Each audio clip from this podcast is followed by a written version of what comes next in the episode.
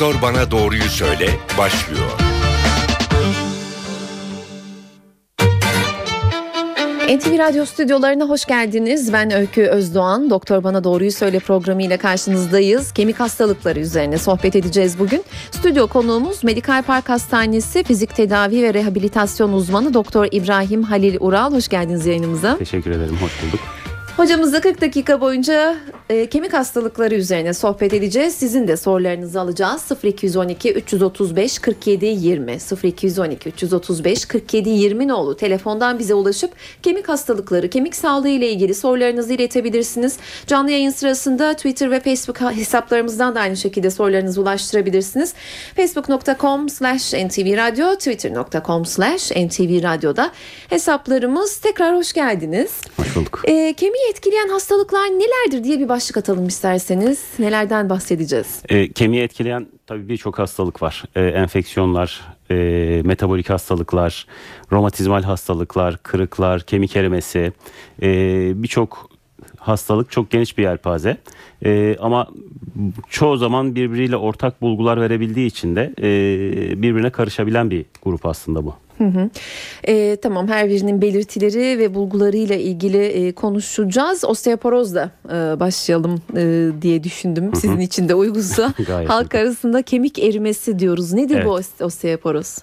Osteoporoz e, kemiğin mikro mimarisindeki e, bozukluk nedeniyle ve kemiğin içindeki e, kalsiyum ve e, fosfat kristallerinin e, azalması, oranının azalması nedeniyle ortaya çıkan ve kırılganlığında, kemiğin kırılganlığında artışla giden aslında metabolik bir hastalığı. Hı hı. E, birçok bir sebebi var. Belki biraz sonra daha çok değineceğiz ama e, genel olarak menopoz sonrası bayanlarda daha çok gördüğümüz bir problem. E, hı hı. Kemiğin dediğim gibi mikro mimarisindeki yani e, kolajen liflerin, kemiğin içindeki kolajen liflerin birbiriyle olan ilişkisinin bozulması, e, kemiğin esnekliğinin azalması, kemiğin içindeki e, kalsiyum ve fosfat e, kristallerinin, minerallerinin azalması e, kemiğin kırılganlığına neden oluyor ve bu kırıklar e, hem sağlık açısından hem e, maliyet açısından, maddi açıdan e, hastalar için açıkçası çok hoş olmuyor. E, daha çok menopoz sonrası hı hı. E, bayanlarda görülüyor ama e, birçok grupta da e, birazdan konuşacağız herhalde e, birçok grupta da görebiliyoruz osteoporozu. Peki e, menopoz sonrası diyoruz kadınlar için bahsediyoruz. Tabii erkeklerde görülüyor mu önce onu da sorayım. Görülüyor. Yani görülüyor. oranı çok daha düşük tabii ki ama e, erkeklerde de görülebiliyor. Görülüyor. Menopoz dışında neden olan etkenler nedir kemik erimesine? E, birincisi kronik hastalıklar. Yani kişinin e, taşıdığı birçok kronik hastalık e, kemik erimesine neden olabilir. E, bunların başında romatizmal hastalıklar geliyor, metabolik hastalıklar, e, kalsiyum metabolizması bozuklukları e, gibi bir takım metabolik hastalıklar hı hı. veya e, kemiğin yapım ve yıkımında bozukluğa neden olan e, bir, bir takım henüz sebebini bilmediğimiz paje hastalığı gibi bir takım hastalıklar e, bu kemik kırılganlığında artışa neden olabiliyor. E, ama en çok görülen şeylerden biri tabii sebeplerden biri e, romatizmal hastalıklar ve bir takım kullanılan ilaçlar. Hı hı. E, çeşitli hastalıklarda kullandığımız, hipertansiyonda kullandığımız bazı e, tansiyon ilaçları bile aslında kemik erimesini tetikleyebiliyor veya kolaylaştırabiliyor. Peki o ilaçları kullanan hipertansiyon hastalarının örneğin neye dikkat etmesi gerekiyor? Bunu biliyorsak madem osteoporoza neden olmamak mümkün mü o ilaçları kullanırken? E, şöyle aslında burada osteoporozla ilgili risk faktörlerini konuşmak lazım. E, osteoporozu değerlendirirken sadece kemiğin e, erimesi var mı yok mu diye bakmaktan ziyade aslında buna sebep olabilecek şeyler var mı yok mu bir kişide onu e, gözden geçirmek gerekiyor. E, osteoporozdaki risk faktörleri e, çok önemli. İşte beyaz tenli olmak, kadın olmak tabii ki. Ee, Bunlar e, be, yani daha çok risk altında daha olan çok risk gruplar altında olan öyle gruplar. mi? Beyaz evet. ten enteresan. Biraz risk altında olabilirsiniz. Evet o yüzden enteresan yani. Kadın olmak o da var başka. Ee, kadın olmak e, hamilelik o, o bazen tetikleyebiliyor. tabii o çok sık değil ama işin şakası. Ama tabii hamilelerde de bazen osteoporoza rastlanabilir. Hı hı. Ee, bir takım ilaçların kullanılıyor olması e, işte kronik hastalığının var olması, e, genetik olarak ailede osteoporoz varlığının olması Hı. veya ailede yakın e, akrabalarda geçirilmiş kırıkların varlığı, e, kalsiyumdan zengin bir diyetinin var olup olmadığı kişinin, D vitamini üretimi açısından e, D vitamini yeterince sentezleyip sentezleyemediği, bir takım bağırsak hastalıklarının olup olmadığı gibi birçok e, risk faktörü söz konusu. Dolayısıyla e, tansiyon ilacı kullanan birinde osteoporoz olur demek çok zor ama kişinin başka risk faktörleri de varsa ve e, tansiyon ilacı kullanırken e, kullandığı ilaçlardan herhangi biri kalsiyum atılımını kolaylaştırıyorsa mesela e, bu biraz daha osteoporozu e, açıkçası daha e, riskli hale getiriyor kişide. Peki telefon numaralarımızı hatırlatalım bir kez daha 0212 335 47 20 0212 335 47 20 nolu telefondan bize ulaşıp kemik sağlığı, kemik hastalıkları ile ilgili sorularınızı Medikal Park Hastanesi Fizik Tedavi ve Rehabilitasyon Uzmanı Doktor İbrahim Halil Ural'a iletebilirsiniz. Biz şu anda osteoporozla ilgili sohbet ediyoruz kendisiyle. Peki kadınlardan hep bahsettik. Erkeklerde hangi durumlarda görülebiliyor? Erkeklerde tabii çok daha nadir yani kendiliğinden ortaya çıkması çok daha nadir. Neden? Çünkü e, kadınlarda menopoz döneminde östrojenin azalması, östrojenin kemiğe sağladığı destek, kemik metabolizmasında olumlu yönde, yapıcı yöndeki desteğinin azalması kolaylaştırıyor. Ama erkeklerde tabii böyle bir menopoz dönemi söz konusu değil. Ama mesela androjen e, erkeklik hormonlarını azaltan e, bir hastalık geçirdiyse veya onunla ilgili bir ilaç kullanıyorsa e, bunlar e, er, erkek osteoporozunu da tetikleyebiliyor. Ama çok nadiren e, kendiliğinden de ortaya çıkabiliyor. Sadece 75 yaş üzeri bizim senil osteoporoz diye nitelendirdiğimiz e, osteoporoz tipleri var.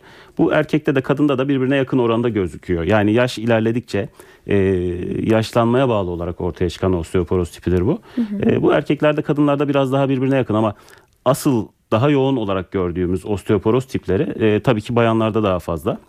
E, erkekler özellikle kronik ilaç kullanımı söz konusuysa kortizonlu ilaçlar e, gibi bir takım ilaçların kullanımı söz konusuysa veya e, örneğin Parkinson hastaları, Parkinson o sahibi olmak da bir osteoporozda risk faktörü. Kullanılan ilaçlar da bazen tetikleyebiliyor osteoporozu. Hı hı. Böyle bir hastalığı veya böyle bir ilaç kullanımı hikayesi varsa veya işte böbrek üstü bezlerindeki e, bir takım problemlerden dolayı Cushing sendromu e, diye nitelediğimiz vücuttaki kortizon dengesinin bozulmasıyla ilgili bir problem varsa erkekte osteoporoz gözükebiliyor. Ee, peki kemik erimesi, osteoporoz sinsi bir hastalık. Çok da evet. fazla belirti vermiyor galiba. Evet. Ee, nasıl anlaşılabiliyor bu? Ee, aslında osteoporoz tanısı e, biraz da klinisyenin ya da dok, işte doktorun e, o tanıyı göz önünde bulundurmasıyla konulan bir tanı. Ama kişi kendisi nasıl anlayıp doktora gidecek evet. bunu? Neden ee, şikayet ediyor şimdi mesela? Şimdi eğer e, hasta açısından bakarsanız eğer e, bayansanız az önce saydığım risk faktörlerine sahipseniz, ilaç kullanıyorsanız, vücudunuzda yaygın ağrılar hissediyorsanız, mesela kaval kemiğinizin üzerinde bastırınca ağrı ortaya çıkıyorsa veya sırt ağrılarınız, şiddetli sırt ağrılarınız varsa e, veya ailede böyle bir hikaye varsa, hı hı. E, bir ilaç kullanımınız söz konusuysa e, mutlaka e, doktora başvurmakta fayda var. E, çünkü e, hani bir e, apandisit tanısı koyar gibi ya da bir nezle grip e, olduğunuzu anlar gibi anlayabilmeniz mümkün değil. Hı hı. Dolayısıyla bunu doktorla bir arada e, tanıyı koymak gereken bir durum. E, o nedenle doktora gitmekten kaçınmamak lazım. Çünkü e, biz etrafımızda çok sık görüyoruz. İşte her yerim ağrıyor, sırtım ağrıyor deyip de evet, ağrı kesicilerle idare etmeye çalışan e, birçok bize başvuran hastalar var. E, kendi yakınlarımız var. E, dolayısıyla hani bu tip semptomlar eğer uzun sürüyorsa çok da fazla e, kaçmamak lazım. Bir an evvel doktora gidip basit bir takım testlerle e, tanıya ulaşabilirsiniz. O zaman kulağa öyle geliyor ki çünkü sizin de dediğiniz gibi e, ağrıyla kendini gösteren özellikle bir rahatsızlıksa bu ağrıları geçiştiririz, ağrı kesicileri çok iyi biliriz, doktordan iyi tedavi ederiz kendimizi. e, bu durumda osteoporozun teşhisinin konmasını geciktiriyoruz aslında doktora gidene kadar. E, tabii ki. E, erken teşhis biraz zor diyebilir miyiz o zaman osteoporozda? E, erken teşhis evet mi? yani eğer biraz bilinçliyseniz çok zor değil ama hani genel olarak bakarsanız hakikaten e, erken teşhiste zorlanıyorsunuz. E, ve e, erken teşhis koyamamanın sıkıntısı şu e, tedaviler çok yavaş ilerleyen tedaviler. Çok hı hı. hızlı sonuçlar alamıyorsunuz. Bir yıl, iki yıl, beş yıl, on yıl, yirmi yıl bile kullanan e, hastalar oluyor bazen e, ilaçları. E, dolayısıyla bunu ne kadar erken yakalarsanız, e, ne kadar erken başvurursanız o kadar e, çabuk tedavi olma imkanınız olabilir. Belki hiç tedavi olmadan koruma imkanınız olabilir Hı. kendinizi. Peki e, 0212 335 47 20 0212 335 47 20 nolu telefon numaralarımızı hatırlatalım bir kez daha. Kemik sağlığı, kemik hastalıkları ile ilgili e, osteoporoz e, şu anda konuştuğumuz konu bununla ilgili Doktor İbrahim Halil Ural'a sorularınızı iletebilirsiniz. E, okuduğum bir yazıda New York Times'daydı tahmin ediyorum. Boy kısalmasının önemli bir belirti olabileceğinden bahsediyordu. Nasıl yani? Nasıl boy kısalıyor? Şimdi e, boy kısalması yıllar içinde e, herkeste ortaya çıkar. Bunun bir sebebi vücudun yaşla birlikte e, suyunun azalması, dokuların sıvısının azalması. Bu kemikler için ve kemiklerin omurgadaki e, kemikler arasında disk dediğimiz yapıların onlar biraz daha e, kıvam olarak sulu e, kıvamdadır bu dokular. Onların suyunun azalması e, boy kısalığını zaten tetikler ama osteoporozda biraz daha farklı bu. Eğer osteoporozda bir e, kemik kırığı varsa omurgada osteoporotik kırık dediğimiz tipte bir kırık varsa e, doğal olarak hastanın boyu hızlıca azalır. O nedenle biz hastaları gördüğümüz zaman eğer osteoporozla ilgili konuşuyorsak hastayla e, son birkaç yıl içinde boy kısalması var mı yok mu onu e, mutlaka sorarız. Çünkü bu hem kırık açısından kıymetli bir sorudur hem de osteoporoz tanısına götürmek açısından kıymetli bir sorudur. Peki bir dinleyicimiz var telefon hattımızda. Onun da sorusunu alalım. Merhaba yayındasınız. Alo merhaba. Merhaba. Ee, benim e, bir sorum e, şey doktora sorum olacaktı. Dinliyoruz. Ee, ben e, tedavi gördüm. Kanser tedavisi. Temmuz ayında bitti benim ilaçlar. Şu anda da tamoksifen kullanıyorum. 5 sene kullanmam gerekiyor. Yalnız e, benim e, yaklaşık 6-7 aydır kemiklerimde e, inanılmaz ağrılar var. Yani oturduğum zaman kalktığımda çok ağrılarım oluyor. Kemik sintigrafisi çektirdim. Hı hı. Onda bir şey çıkmadı. İlaçların yaptığını söyledi. Bunu ağrılarını e, azaltabilmem için neler yapabilirim? Bunu soracaktım. Öncelikle teşekkür ediyorum. Böyle bir program yaptığınız için. Teşekkürler. Öncelikle geçmiş olsun tabii ki. E, Teşekkür ederim. E, tabii e, geçirdiğiniz hastalık maalesef e, hani günümüzde artık neredeyse e, herkeste görülecek hastalıklardan bir. E, o nedenle de tedavisi hakikaten ilerlemiş durumda. Ama tabii burada e, birçok sebepten dolayı ağrı hissediyor olabilirsiniz. Bunların da en büyük sebebi aslında kullandığınız ilaçlardır. E, ama tabii ki e, bu tip durumlarda kanser, meme kanseri geçirilmiş durumlarda e, osteoporozla ayırt etmemek, kaçırmamak lazım gözden. E, çünkü hem kullanılan ilaçlar bazen bunu tetikleyebiliyor. Hem genelde meme kanserine yakalanan hastaların yaş grubu itibarıyla biraz daha e, osteoporoz düşünülmesi gereken bir yaş grubu olması e, at, bu açıdan değerlendirilmenizi gerektirir. E, ama tabii ki bu her seferinde osteoporoz demek değildir. Artı e, tabii ki eğer böyle bir şey varsa da e, bununla ilgili yapılacak tedavilerde mutlaka onkoloğunuzun bilgisinin olması gerekir. E, yaygın kemik ağrıları her zaman osteoporozu göstermez ama bir kanser hastası yaygın kemik ağrısı hissediyorsa e, mutlaka osteoporoz açısından da değerlendirilmelidir. E, ama tabii ki osteoporoz sizin yaptırdığınız sintigrafi tetkikinden daha sonra düşünülmesi gereken bir şey. E, bir tetkik veya bir hastalık e, ama eğer sintigrafi negatif çıktıysa e, ve e, şikayetleriniz devam ediyorsa e, doktorunuza başvurup osteoporoz açısından da değerlendirilmenizi istemeniz gerekir. Teşekkür ediyoruz yayınımıza katıldığınız için. Bir dinleyicimiz daha var. Merhaba sizi tanıyalım. Merhaba ben Mehmet Gündüz Adana'dan arıyorum. Merhaba. Kolay gelsin size. Teşekkür ederiz. Sağ Sizi dinliyoruz. Ee, benim bir tane vefat eden osteopetrozis kemik hastası bir oğlum vardı. Ee, ondan sonraki hani olur da çocuklarımız olursa neye dikkat etmeliyiz? Ee, ve o hastalıkla ilgili soracaktım ben. Başınız sağ olsun. Sağ olun Allah razı olsun. Evet başınız sağ olsun. Ee, Sağ ol teşekkür ederim doktor bey. Osteopetrozis osteoporozdan daha farklı bir hastalık tabii ki. Evet farklı Osteo- kemik kalınlaşması işte. Evet. Hani osteoporozda e, biz kemiğin daha çok direncinin kaybolmasından, kırılganlığının artmasından e, bahsederiz ama osteopetrozizde de e, kırılganlık artar ama bu kemiğin direncinin azalmasından değil daha çok e, kemikte e, mineraliza- mineralizasyonun olması gerekenden daha fazla olması nedeniyle ortaya çıkan bir hastalıktır. Kemik aşırı sertleşir, kalınlaşır Evet, ve evet. kırılmaya neden olur. E, Bir onun Tasılma var. Ee, şu boyun tarafında lafınızı kestim. Şu boyun arka tarafından böyle kasılma var. Ee, Bükülüyor böyle. Tabii. Bir de o vardı kendisinde. Tabii. E, tabii o kemik mineralizasyonun artması, kemiğin sertleşmesi döneminde kalsiyumla ilgili bir takım metabolizma problemleri de söz konusu olduğu için e, kalsiyum metabolizma bozukluğunun veya hiperkalsemi dediğimiz kandaki kalsiyum seviyesinin artmasına bağlı bir takım şikayetlerin olması son derece doğal bu hastalarda. E, maalesef işte kalsiyumun fazla artması bazen kalbin durmasına bile neden oluyor. E, hani bilemiyorum e, oğlunuzun e, vefatı neden oldu ama e, bu tip durumlarda e, maalesef hiperkalsemi veya diğer metabolizma bozuklukları e, osteopetrozide de e, kayıplara neden olabiliyor. Teşekkür ediyoruz yayınımıza katıldığınız için. Ee, kadınlarda osteoporoz menopoz sonrasında daha yoğunlukla görülüyor dediniz. Evet. Bu, bu durumda östrojenin kemik sağlığıyla bir bağlantısı var sanıyorum. Çok çok yakından bağlantısı var.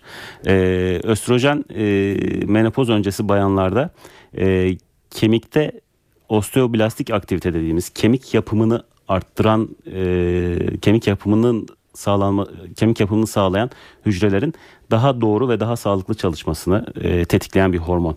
E, yani direkt kemikle alakalı. Artı kalsiyum metabolizması üzerinde de fonksiyonu var. E, kalsiyum kandan kemiğe geçişi, kemikte mineralizasyonun sağlanması konusunda östrojen çok e, büyük desteğe e, sahip. Tabii e, menopoz çok hızlı gelişen bir süreç. Hani bir yıl, bir buçuk yıl, iki yıl içinde belki gelişiyor birçok kişide ama e, bu bir bayan için çok hızlı bir süreç. Ee, östrojen desteğinin hızlı bir şekilde azalması bu osteoblastik aktiviteyi yani yapım aktivitesini azaltıp e, kandan kemiğe kalsiyum geçişini sağlayan ve kalsiyumun kemikte organizasyonunu sağlayan e, mekanizmaların bozulmasına neden oluyor. Menopoz sonrası bayanlarda da östrojen mevcuttur, mevcuttur. Sıfırlanmaz ama farklı bir tipe dönüşür.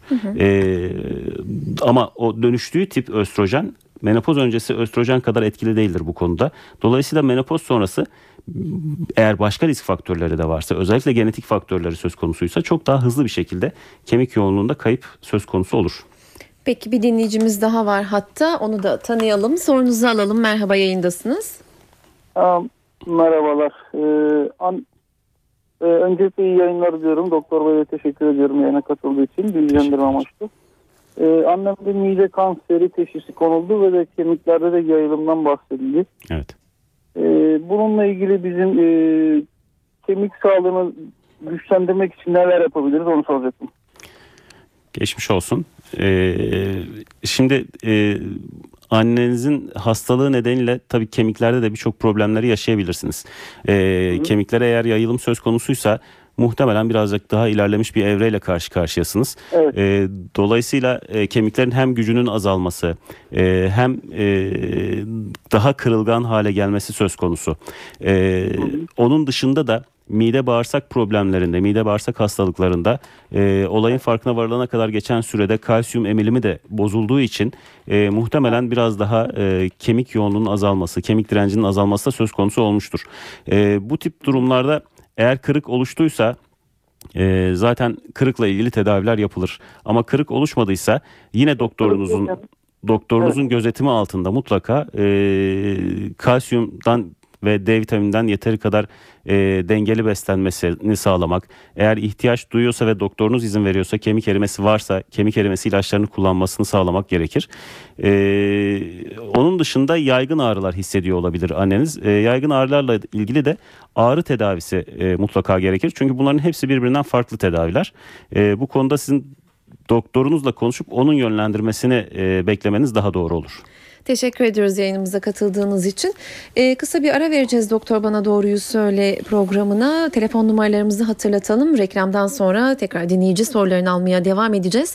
0212 335 47 20 0212 335 47 20 telefon numaralarımız. Kemik sağlığı, kemik hastalıkları üzerine sohbet ediyoruz bugün. Stüdyodaki konuğumuz fizik tedavi ve rehabilitasyon uzmanı Doktor İbrahim Halil Ural. Aranın ardından yeniden karşınızda olacağız.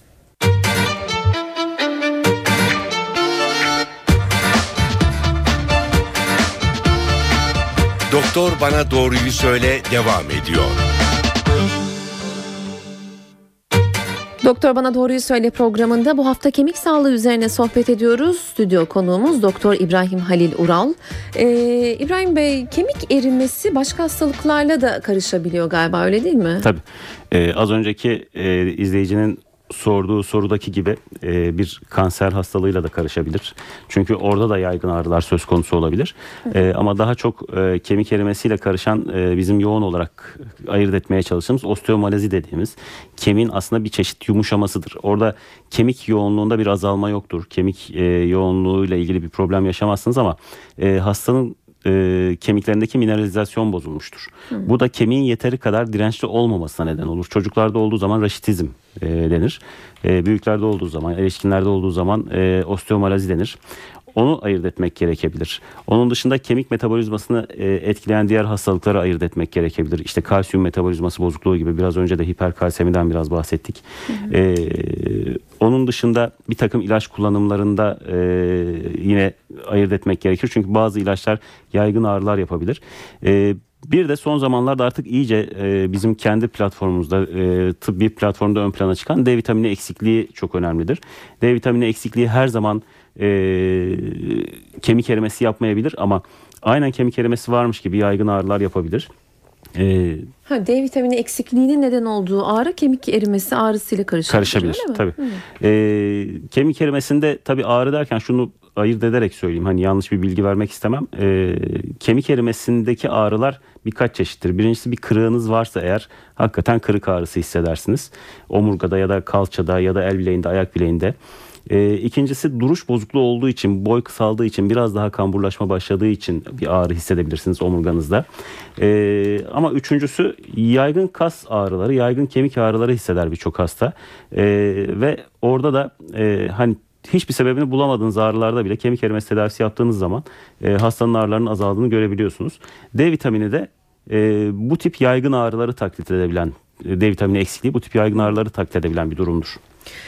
Ee, peki kemik rahatsızlıklarına neden olan hastalıklardan bahsettik. Ee, guatr ve tiroid bozukluklarının da e, kemikte bazı rahatsızlıklara Evet, neden olduğundan evet. bahsetmiştiniz. E, guatr, tiroid bozuklukları e, bizim nüfusumuzda çok sık rastlanan bir problem olduğu için özellikle e, guatr diye başlamak istedik. Ama tabii ki e, hipertiroidizm, hipotiroidizm yani tiroid bezinin çok çalışması da az çalışması da farklı mekanizmalar üzerinden kemik erimesini tetikleyebilir. E, hiperparatiroidizm e, dediğimiz e, paratiroid hormon bozuklukları bunu etkileyebilir. E, vücuttaki kortizol salınımının bozulması bunu etkileyebilir ama guatr olan kişilerin mutlaka bu konu üzerinde özellikle durması gerekir. Çünkü ne yapabilirler? e, mutlaka doktorlarıyla konuşmaları gerekir. Benim guatrım var kemik erimesi açısından riskli miyim diye sormaları aslında yeterlidir. Çünkü e, gerçekten e, az önce konuştuğumuz gibi sinsi başlangıçlı bir problem bu. E, dolayısıyla tedavi, tanıda geciktiğiniz zaman tedavi çok uzuyor. Bir yılda, bir buçuk yılda belki halledebileceğiniz bir hastalık. Şimdi beş yıl, altı yıl hastaya boşu boşuna, boşu boşuna demeyelim de yani gereğinden fazla ilaç kullandırmak zorunda kalabiliyorsunuz. E, o yüzden eğer tiroid bozukluğu varsa ister fazla çalışsın ister az çalışsın e, mutlaka doktorlarıyla temasa geçip kemik erimesini sorgulamaları gerekir. Peki bir dinleyicimiz var hatta sorusunu alalım. Merhaba yayındasınız.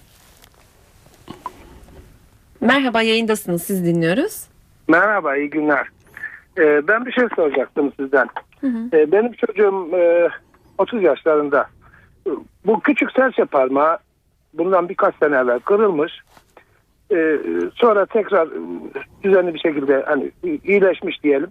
Ama geçenlerde tekrar bir kırılmış ve bu arasında bir boşluk oluşmuş. Bu boşluğu doldurmak için doktorlar demiş ki kalçanızdan bir parça kemik alacağız.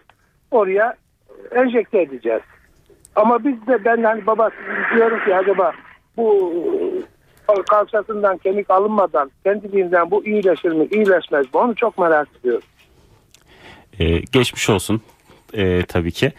E, tabii bu e, osteoporoz açısından, kemik erimesi açısından bu sorunun önemi şu aslında. Tekrarlayan kırıkların olması genç yaşlarda da osteoporozun atlanmaması gerektiğini bize e, gösterir.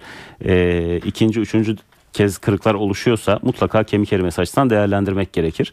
E, ister hasta ileri yaşta olsun ister genç olsun. E, ama sizin sorunuza gelince oradaki kırıklar için tabii bu bir cerrahi tekniktir. E, ortopedi doktorları bu konuda size daha çok yardımcı olabilirler.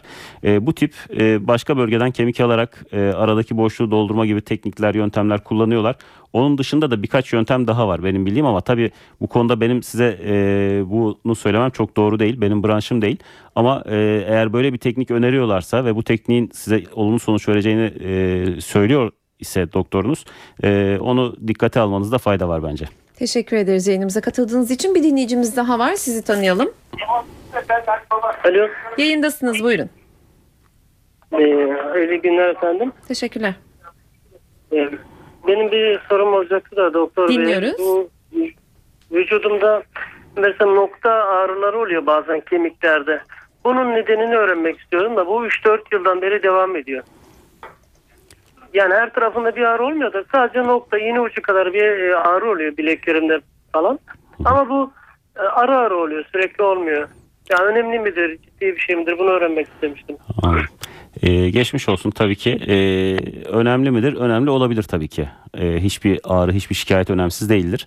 Ee, ama tabii kemik erimesinde bu tarz ağrılar çok bizim karşılaştığımız ağrılar değildir. Daha çok yaygın, e, künt sanki bir şeyler bizi sıkıştırıyormuş gibi, biri bizi mengeneyle sıkıştırıyormuş gibi ağrıları tarif eder bizim hastalarımız. Bu tip noktasal, batıcı, yanıcı ağrılar çok e, kemik erimesi tipi ağrılar değildir. E, ama bölge olarak kemiklerin üzerinde hissediyor olabilirsiniz. E, bu bize kemik ağrısı olduğunu göstermez açıkçası. Onun için bir e, değerlendirilmeniz lazım. Bu tip ağrıların altından genelde çok fazla bir şey çıkmaz. E, çok fazla bir hastalık çıkmaz ama e, çalışma şeklinize bağlı olarak veya vücuttaki işte başka problemleriniz, başka hastalıklarınız söz konusuysa ona bağlı olarak daha çok kas ağrıları olarak karşımıza çıkar bu. Teşekkür ederiz yayınımıza katıldığınız için. E, kireçlenme de kemikte meydana gelen bir hastalık öyle değil mi? Rahatsızlık. Evet rahatsızlık e, kemiklerde daha çok eklemlerde gördüğümüz bir rahatsızlık. E, aslında e, kireçlenmeyi bir hastalık olarak çok fazla ben değerlendirme taraftarı evet, değilim. bakışınızdan anladım o yüzden rahatsızlık diye Evet. düzelttim. E, çünkü e, tabii ki birçok hastalık yani bir hastalık olarak da karşımıza çıkabilir ama e, daha çok e, yaşın ilerlemesiyle nasıl ki elimizin, yüzümüzün, kolumuzun şekli değişiyorsa, dokularımızın şekli değişiyorsa e, doğal olarak eklemlerimizin de şekli değişiyor. E, ekleme binen yüklerin e, yüklenme yeri, yüklenme noktaları veya yüklenme açıları biraz fizik e, kurallarına bağlı olarak e, değişebiliyor. E, dolayısıyla e, tabii ki biz hani kaçırabildiğimiz yerler elimizi yaktığımız zaman hızlı bir şekilde kaçırabiliyoruz elimizi oradan ama kemik öyle bir yüklenme karşısında kronik bir yüklenme karşısında tabii ki kaçamıyor. Ee, ona bağlı olarak da bir takım reaksiyonlar veriyor. İşte e, bizim osteofit dediğimiz ufak tefek çıkıntıları e, oluşturmaya başlıyor veya eklem aralığında bir takım bozulmalara neden oluyor. E, ama osteoartrit ileri yaş e, hastalığı olduğu için de e, bu tip hastalıklarda e, yine osteoporozla e, ilgili değerlendirmeleri atlamadan yapmak gerekir. Peki kireçlenme ile ilgili e, başka bir uzmanımızla da konuşacağız ama telefonda bir problem yaşadık. Şu anda hatta değil kendisi. E, kemik erimesinde kemik kırılmaları ile çok karşılaşılıyor dediniz ama o kırılmaları diğer kırılmalardan ayırmak e, zor bir şey olsa gerek yani. Herhangi kendi kendine mi kırılıyor mesela o kemik? E, genelde kendi kendine kırılıyor. Çünkü kemiğin direnci azaldığı için e, bir süre sonra yapılan bir hareket veya bir yüklenme e, kemikte kırığı tetikleyebiliyor. Tipik olarak kemik kırık, osteoporoza bağlı kırıkları gördüğümüz yerler omurgala, omurgadaki kırıklar, e, ayak e, el bileği kırıkları, kalça kırıkları, e, bazen de ayak bileği kırıklarıdır. Ee, özellikle omurgadaki kırıklar atlanabilir. Çünkü çok şiddetli sırt ağrısı yapmayabilir, e, bel ağrısı yapmayabilir ama hasta sürekli kalçalarına doğru yayılan, kuyruk sokumuna doğru yayılan ağrılardan bahsedebilir. Bu tip kırıklar çökme şeklinde kırıklardır ve e, her seferinde e, illa çok ileri bir çökme olmayabilir. E, röntgende bazen hafif bir yükseklik kaybı bile bize onun osteoporoza bağlı bir kırık olduğunu düşündürür. Kıymeti şudur, e, tabii ki tedavi etmek gerekir osteoporoz açısından ama eğer bir kırık oluştuysa vücutta ikinci, üçüncü kırıkların da oluşması daha kolay olacak demektir. Dolayısıyla e, önemi budur aslında. Peki e, kemik enfeksiyonlarına geçelim isterseniz. Nasıl oluşuyor kemikte enfeksiyon? E, kemik enfeksiyonları aslında çok kolay kendi kendine oluşmaz her zaman. E, genel olarak hastaların aslında bir ek hastalığı vardır. Özellikle diyabet, diyabetik hastalarda, şeker hastalarında e, açılan yaraları hastaların fark etmemesi, oradan enfeksiyonun oluşup kemiklere ulaşması e, çok sıktır ve e, birçok hasta e, ekstremite kaybı işte parmak kaybı, ayak kaybı, el kaybı, ameliyatla kesilmek zorunda kalan birçok hasta olur- var. E, onun dışında e, kendi kendine oluşabilen durumlar da söz konusu ama genelde bunda hastanın mutlaka bir bağışıklık problemi söz konusu oluyor. E, bir diğer sebep e, kemik enfeksiyonlarına neden olan sebep e, hastanın dolaşım bozukluğunun olması, kemiğin e, kanla yeteri kadar beslenememesi, oraya var olan mikrobik ajanlar, varan mikrobik ajanların daha etkili olmasına yol açabiliyor. E, tabii bir diğer tatsız, sevimsiz birazdan belki ortopedi doktoru arkadaşımız da söyleyecektir ama e, protez ameliyatlarından sonra enfeksiyonların oluşması. E, bunlar biraz tabii daha hızlı seyrediyor ama diyabetik hastalar, e, dolaşım bozukluğu olan hastalar biraz daha sinsi seyirli ve e, hakikaten e, biraz geç kalabiliyor hastalar bunda. Tamam kemik enfeksiyonlarının e, tedavisiyle ilgili de sorularım olacak ama iki dinleyicimiz var hatta. E, yayındasınız sizi dinliyoruz. Alo iyi günler. Merhaba. Merhaba. Hocamla e, bir sorum olacak. Buyurun. Radyonuzun sesini kısar mısınız lütfen? Tamam. Alo. Buyurun yayındasınız sizi dinliyoruz. E, ben de e, yıllardır e, bel ve boyun fıtıklarım vardı. E, sürekli e, uzun süredir kortizon ilaçlar kullandım. Ondan sonra bir kemik erimesi oluştu. E, ilaçları e, tedavisini uyguladım. E, fakat e, sürekli ağrı kesiciyle e, ayakta e, duruyorum. Şimdi e, doktorlarım diyor ki e, şu düzleşme var. Yani ben dü- şu düzleşmeyi e, öğrenemedim. Yani bunun neyin nesi nedir? Yani. Ge- geçmiş olsun. Ee, düzleşme hakikaten son zamanlarda bize e, hemen hemen her hastanın sorduğu bir soru. Ee, omurgamızda bizim e, yandan baktığınız zaman var olan eğrilikler vardır. Boyunda ve belde öne doğru bir kavis vardır. Sırtta biraz daha arkaya doğru hafif kamburumsu bir kavis vardır. Ee, bunlar çeşitli sebeplerden dolayı bozulabilir. Genelde bozulmasının sebebi duruş bozukluğudur. Ama beyefendinin bahsettiği gibi ek hastalık varsa, ek e, ilaç kullanımı varsa e, bunlar da e, kemiğin yapısını değiştirerek veya kırıklara neden olarak veya kaslarda bir takım problemlere neden olarak bu eğrilikleri bo- eğriliklerin bozulmasını tetikleyebiliyor. E, aslında bir düzleşmenin çok bir tehlikeli yanı yoktur sağlık açısından. Ama e, o düzleşme nedeniyle e, omurgadaki kasları, omurganın etrafındaki kasları biraz fazla gerdiği için o e, oluşan düzleşme e, gerginliğe neden olduğu için eklemlere yük binmesini arttırdığı için e, hastalar genelde ağrı hissederler. Düzleşme olduğu zaman e, aslında sağlığınızdan endişe etmenize gerek yok ama düzleşme olduğu zaman hakikaten yaygın ağrılarınız olur. Ama beyefendinin sorduğu e, soruda önemli bir ayrıntı var kortizon kullanımı. Evet. Kortizon kullanımı ciddi şekilde kas ağrısı da yapar, e, kemik erimesi de yapar e, ve e, kırıklara da yol açabilir. O yüzden kortizon kullanımı olanların mutlaka e, hem kaslarının hem kemiklerinin değerlendirilmesi gerekir. Peki kortizonla ilgili sonra bir soru soracağım ama uzun bir zamandır bekleyen bir dinleyicimiz var. Yayındasınız sizi dinliyoruz. Teşekkürler. Sağ olun. Radyonuzun da sesini kısarsanız. Tamam kıstım. Buyurun. Alo. Buyurun. Buyurun. İyi günler efendim. Şimdiden teşekkür ederim. Doktor Bey'e de şimdiden teşekkür ediyorum. Ee, eşim 35 yaşında. Bel kavisi daha çok yani kavisi e, olan beli var. Ve e, sol kalçasında böyle bir hep e, dayanılmaz bir ağrılar var. Hatta Türkiye'nin değil İstanbul'da diyeyim büyük bir kemik doktoru tavsiyesiyle yaklaşık 2 saat bir MR çekildi. Herhangi bir şey çıkmadı. Kortizon önerdi. Biz onun taraftarı değiliz. Bazen de bir bağırsak tembelliği de söz konusu. Acaba neden olabilir mi? E, Bir de pardon özür dilerim. estağfurullah. Bir de annem Parkinson hastası. Sol tarafı ayak ve el sıkıntılı. Tavsiyeniz var mı? Teşekkür ederim. Ee, hem eşinize hem annenize geçmiş olsun. Ee, eşinizin tabii problemi e, tabii o bizim lordoz artışı dediğimiz bir problem kalsinin artması. Ee, lordoz artışına sebep olabilecek herhangi bir kaza yaşayıp yaşamadığı veya bir çalışma yani duruş oturuş şeklinin e, olup olmadığını bilemiyorum ama e, lordoz artışı yine düzleşme gibi lordozun düzleşmesi gibi e, ağrı yapabilecek bir durumdur. E, bundan dolayı zaten kasların gerginliği, yorulması ağrı yapabilir. Kalçaya yansıyan ağrılar yapabilir veya omurgadaki eklemlerin de birazcık dejenerasyona uğraması, bir miktar harabiyete uğraması bu tip ağrılar yapabilir. Bel ağrıları çoğunlukla e, kalçaya doğru, bacağa doğru yansır. E, her yansıyan ağrıyı bel fıtığı e, gibi değerlendirmeyiz biz. Ama e, görmek gerekir. Sadece MR'a e, bakarak karar vermemek lazım.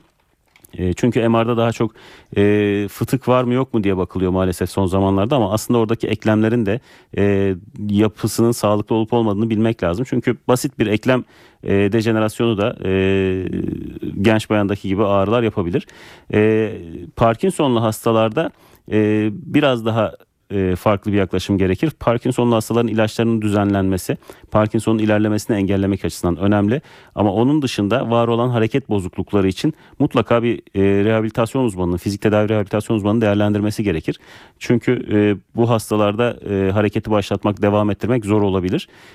Artı az önce de bahsettiğim gibi kemik sağlığında değerlendirilmesi gerekir mutlaka. Teşekkür ediyoruz yayınımıza katıldığınız için. Kireçlenme ve eklem aşınması ile ilgili bir başka uzmanın görüşünü alalım. Bir başka uzmanla sohbet edelim istedik demiştik. E, telefon attığımızda şu anda Memorial Ataşehir Hastanesi ortopedi ve travmatoloji uzmanı Profesör Doktor Semih Gür var. Yayınımıza hoş geldiniz. Merhaba, iyi yayınlar. Buyurun. Teşekkürler. Hocam kireçlenme neden oluyor? Nasıl önlenebilir? Bunu geciktirmek mümkün müdür? Bu bir kader midir?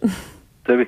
Şimdi tabii ki hiçbir şey kader değil. Yani her şeyin e, ölüm dışında her şeyin bir çaresi var. Öyle bakmak lazım olaya. Ancak kireçlenme belki tanım olarak da biraz yanlış olabilir. Eklem aşınması demek daha doğru olur. Eklem aşınmasını önleyebilmek ya da en azından sorunlarını ya da şikayetlerini azaltmak mümkün. Tabii hep aynı şeyler müteahhit defa sürekli söyleniyor ama tabii yapmak ya da pratikte zor olabiliyor. Bir kere hareketli bir yaşam olma, olması gerekiyor. Yani kişilerin özellikle oturarak çalışan kişilerin mutlaka basit egzersizlerle eklemlerini hareketli hale kılmakları gerekiyor. İkincisi veya bir başkası en önemlisilerden bir tanesi de kilo sorunu. Tabii ki kilo almak ya da kilolu olmak eklemlere binen yükü arttırıyor.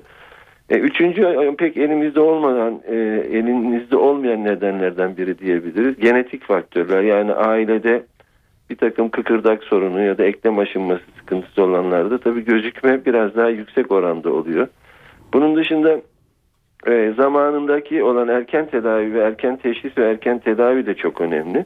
Yani mutlaka e, eklem aşınmasının başlangıç dönemlerinde hele günümüzde daha yapılabilecek eski oranla daha fazla elimizde bir takım e, olanaklar ya da tedavi imkanları var. Bunları değerlendirmek lazım. Örneğin işte e, çok popüler olan ya da her zaman duyulan kıkırdak koruyucu ilaçlar, kıkırdak koruyucu eklem içine enjeksiyonlar.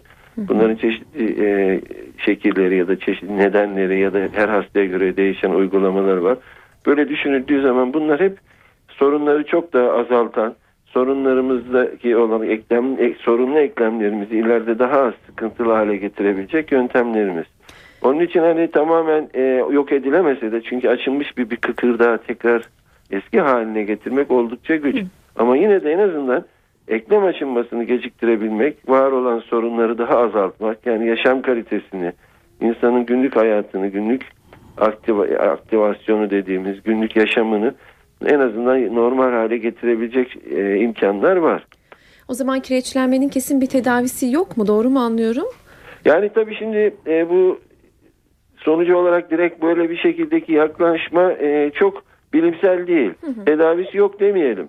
Yani eklem kireçlenmesi de eklem aşınmasının günümüzde normal bir eklem haline yani aşınmış bir eklemi normal bir eklem haline getirebilme teknolojisi halen bulunamadı ya da halen bu noktaya ulaşılamadı diyelim. Yoksa yani e, insanın yaşamının sona ermesi dışında yani ölüm dışında her şeyin bir şekilde tedavisi ya da onu rahatlatmaya yönelik bir takım girişimler e, yapılabilir. Onun için tedavisi yok demeyelim de aşınmış bir eklemi, kireçlenmiş bir oynağı yani e, daha halk arasındaki ya da kullanılan tabiriyle eski haline getirebilmek yani en, en eski haline getirebilmek ya da pırıl pırıl ya da çok e, yeni bir hale getirebilmek çok mümkün değil. Tabii ki değil. protez dediğimiz ameliyatlarla hiç oynamam, oynamayan, hiç hareket etmeyen ya da çok sorunlu eklemleri de normal eklem haline getirmek mümkün. Tedavi yöntemleri nelerdir hocam e, eklem aşınmasının?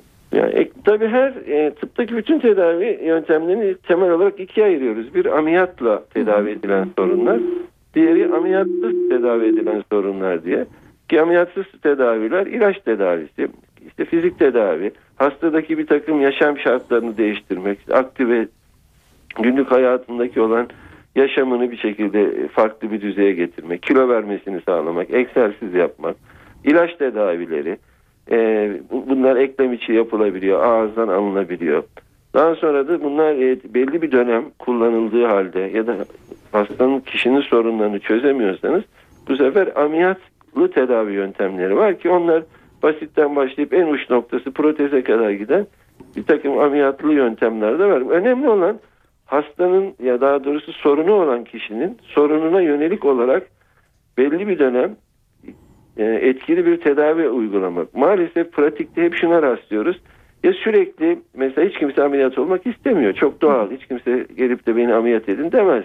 Ama gerektiği zaman bile ameliyattan kaçınılınca ileride daha kalıcı sakatlıklar, daha kalıcı yaşamını zora sokucu sorunlar olabiliyor. Onun için ameliyatlı tedavi yöntemlerini de e, kesinlikle reddetmemek gerekiyor. Çok fazla ilaç kullanmak hem karaciğer açısından hem sistemler açısından bir takım yan etkileri yani yan etkisi olmayan bir ilaç hemen hemen yok gibi zaten. Farklı ilaçlarla bu yan etkiler de ortadan kaldırılabiliyor ama e, o zaman bir dizi ameliyat, e, bir dizi veya bir sürü avuç avuç ilaç içilmesi gerekiyor. Bunun dışında e, mutlaka bir hekim kontrolüyle ya da hekimin önerisiyle ilaç almak gerekiyor. Yani son zamanlarda çok yaygın bir takım ilaçlar e, aynı sorunu farklı olan kişiler tarafından bile işte eklem kireçlenmem var. E, karşı komşum şunu kullanıyor bana da ver filan. Yani bu cins yaklaşımlar e, önerilmeden ya da hani ezbere ilaç alma dediğimiz yöntemler pek uygun değil. Yani bundan kaçınmak gerekiyor. Çünkü her ilacın etkisi gibi ciddi yan etkisi de var. Bunu hiç unutmamak gerekiyor. Çok doğru. Peki hocam son olarak şunu soralım. Kıkırdak hasarından e, korunmak için neler yapmak gerekiyor? Yani şimdi kıkırdak hasarı e, bir kere hasarlanmış bir, bir kıkırdağın daha sonra kendisini toplaması ya da e, iyileşmesi bir hayli zor. Onun için öncelikle e, hep diyoruz eklemin etrafındaki kaslarımızı güçlendirmek gerekiyor. Bir kere egzersiz yapmak çok önemli. İki, kilo vermek çok önemli. Üç, hareketsiz bir yaşam yapmamamız gerekiyor. Dört, beslenmemize dikkat etmek gerekiyor. Mesela yürüyüş yapmak. Özellikle kadınların ileride kemik erimesi osteoporoz dediğimiz kemik erimesini engellemek amacıyla hem de zayıflamak hem de egzersiz yapmak amacıyla e, yürüme çok önemli. Yani basit bir egzersiz de olsa. Bunun dışında doktor kontrolüne gitmek, e, yaşamımıza dikkat etmek. Yani hiçbir şekilde kendimizi zorlamamak gerekiyor. Bunun özetle bunlar Peki. ana konular. Peki çok teşekkür ediyoruz yayınımıza teşekkür katıldığınız ederim. için. İyi, iyi yayınlar. Teşekkürler. Memorial Ataşehir Hastanesi Ortopedi ve Travmatoloji uzmanı Profesör Doktor Semih Gürdü e, konuğumuz telefonla yayınımıza konuk oldu. E, hocam size döneyim. Kemik kırılmalarından bahsedelim ama çok da az vaktimiz kaldı. Süremizin sonuna geldik. Romatizmal hastalıklardan mı bahsedelim, kemik kırılmalarından mı önce? E, kemik kırıklarından hani osteoporozdan bahsederken biraz bahsettik ama e, kemik kırıklarının tabii en büyük sebebi travmatik kırıklar. E, onun dışında eğer bir kemik hastalığı varsa bir osteoporozu varsa veya bir metabolik hastalığı varsa onlar da kırığa neden olabiliyor. Bu tip durumlarda tabii e, ortopedi doktorları e, biraz daha biraz daha değil zaten onların tedavi yapması gerekir. bir kırılan kemik aynı yerden bir daha kırılıyor mu gerçekten? Kırılabilir. Kırılabilir bazen ama tabii e, iyi bir doğru bir tedaviyle bu kolay kolay ortaya çıkmıyor. E, romatizmal hastalıklardan da çok kısaca bahsetmek gerekirse önlemek için yapılabilecek bir şeyler var mı? Belirtileri nelerdir? E, romatizmal hastalıklardan çok fazla e, kaçamazsınız. Gerçek bir iltihaplı eklem romatizmasından çok fazla kaçamazsınız. E, çünkü bu e, sebebi tam olarak aydınlatılmayan, daha çok genetik e, sebeplerin ön planda olduğunu düşündüğümüz hastalıklar. E, ama tabii halk arasında bilinen ismiyle de her ağrı romatizma değil. E, çünkü gerçek iltihaplı eklem romatizmaları belki 10 binde 3, 10 binde 4 oranında gözüküyor. E, ve çok farklı tedaviler, çok özel tedavileri var. E, ama işte kas ağrılarının olduğu yumuşak doku romatizmaları bizim daha çok gördüğümüz. E, kemik sağlığını ilgilendiren tabii ki iltihaplı eklem romatizmaları. Buradaki romatizmal hastalıkların mekanizmaları e, ve hastalığın gidişatı, hastalığın hastayı hareketsiz bırakması kemik sağlığını etkiliyor ve e, kemik erimesini tetikliyor. E, Amerikan Gıda ve İlaç Dairesi'nin bir açıklamasına denk geldim hazırlanırken kemik erimesi tedavisinde kullanılan ilaçların yan etkilerinden bahsediyor. Tamam pek çok her ilacın yan etkisi var ama bu e, ilaçların yan etkisinin de kemik kırılmalarına neden olduğundan bahsediliyordu. Evet bu hep tartışılan bir konu. E, çünkü bu ilaçlar e, kemik yoğunluğunu arttıran ilaçlar. Kemiğe sürekli e, mineral e, depolayan ilaçlar. Ama tabii kemiğe minerali depolarken kemiğin esnekliğini sağlayabiliyor musunuz? E, o önemli. Çünkü e, az önce osteopetrozis sorusunda oluşan şey oydu. E, konuştuğumuz şey oydu. Kemiğin aşırı sert olması da kemik kırılganlığını arttırır. O yüzden e, kemik esnekliğini de arttırabilecek e, tedavilere ihtiyaç var. Ee, onunla ilgili yeni çalışmalar var tabii ki. Tamam son olarak süremizi açtık ama kemik sağlığını korumak için kalsiyum mudur anahtar? Ee, tabii en büyük anahtar kalsiyum. Hep kalsiyum diyoruz ama başka en büyük bir şey anahtar, yok mudur? En büyük anahtar kalsiyum ama D vitamininden e, dengeli beslenmek, e, az önce Semih hocamın da bahsettiği Egzersiz. egzersiz kilo kontrolü e, gibi bir takım e, aslında sağlıklı yaşamak. Hı hı. İşin özü o. Yine Sağlıklı yaşadığınız dolaştık. zaman engelleyebiliyorsunuz. Evet. Kemik sağlığında korumuş oluyoruz. Aynen. Peki çok teşekkür ediyoruz yayınımıza teşekkür ederim. için. Medikal Park Fatih Hastanesi Fizik Tedavi ve Rehabilitasyon Uzmanı Doktor İbrahim Halil Ural'dı bugünkü konuğumuz. Kemik sağlığı üzerine sohbet ettik kendisiyle. Önümüzdeki hafta bir başka konu ve konukla tekrar burada olacağız. Ben Öykü Özdoğan. Hoşçakalın.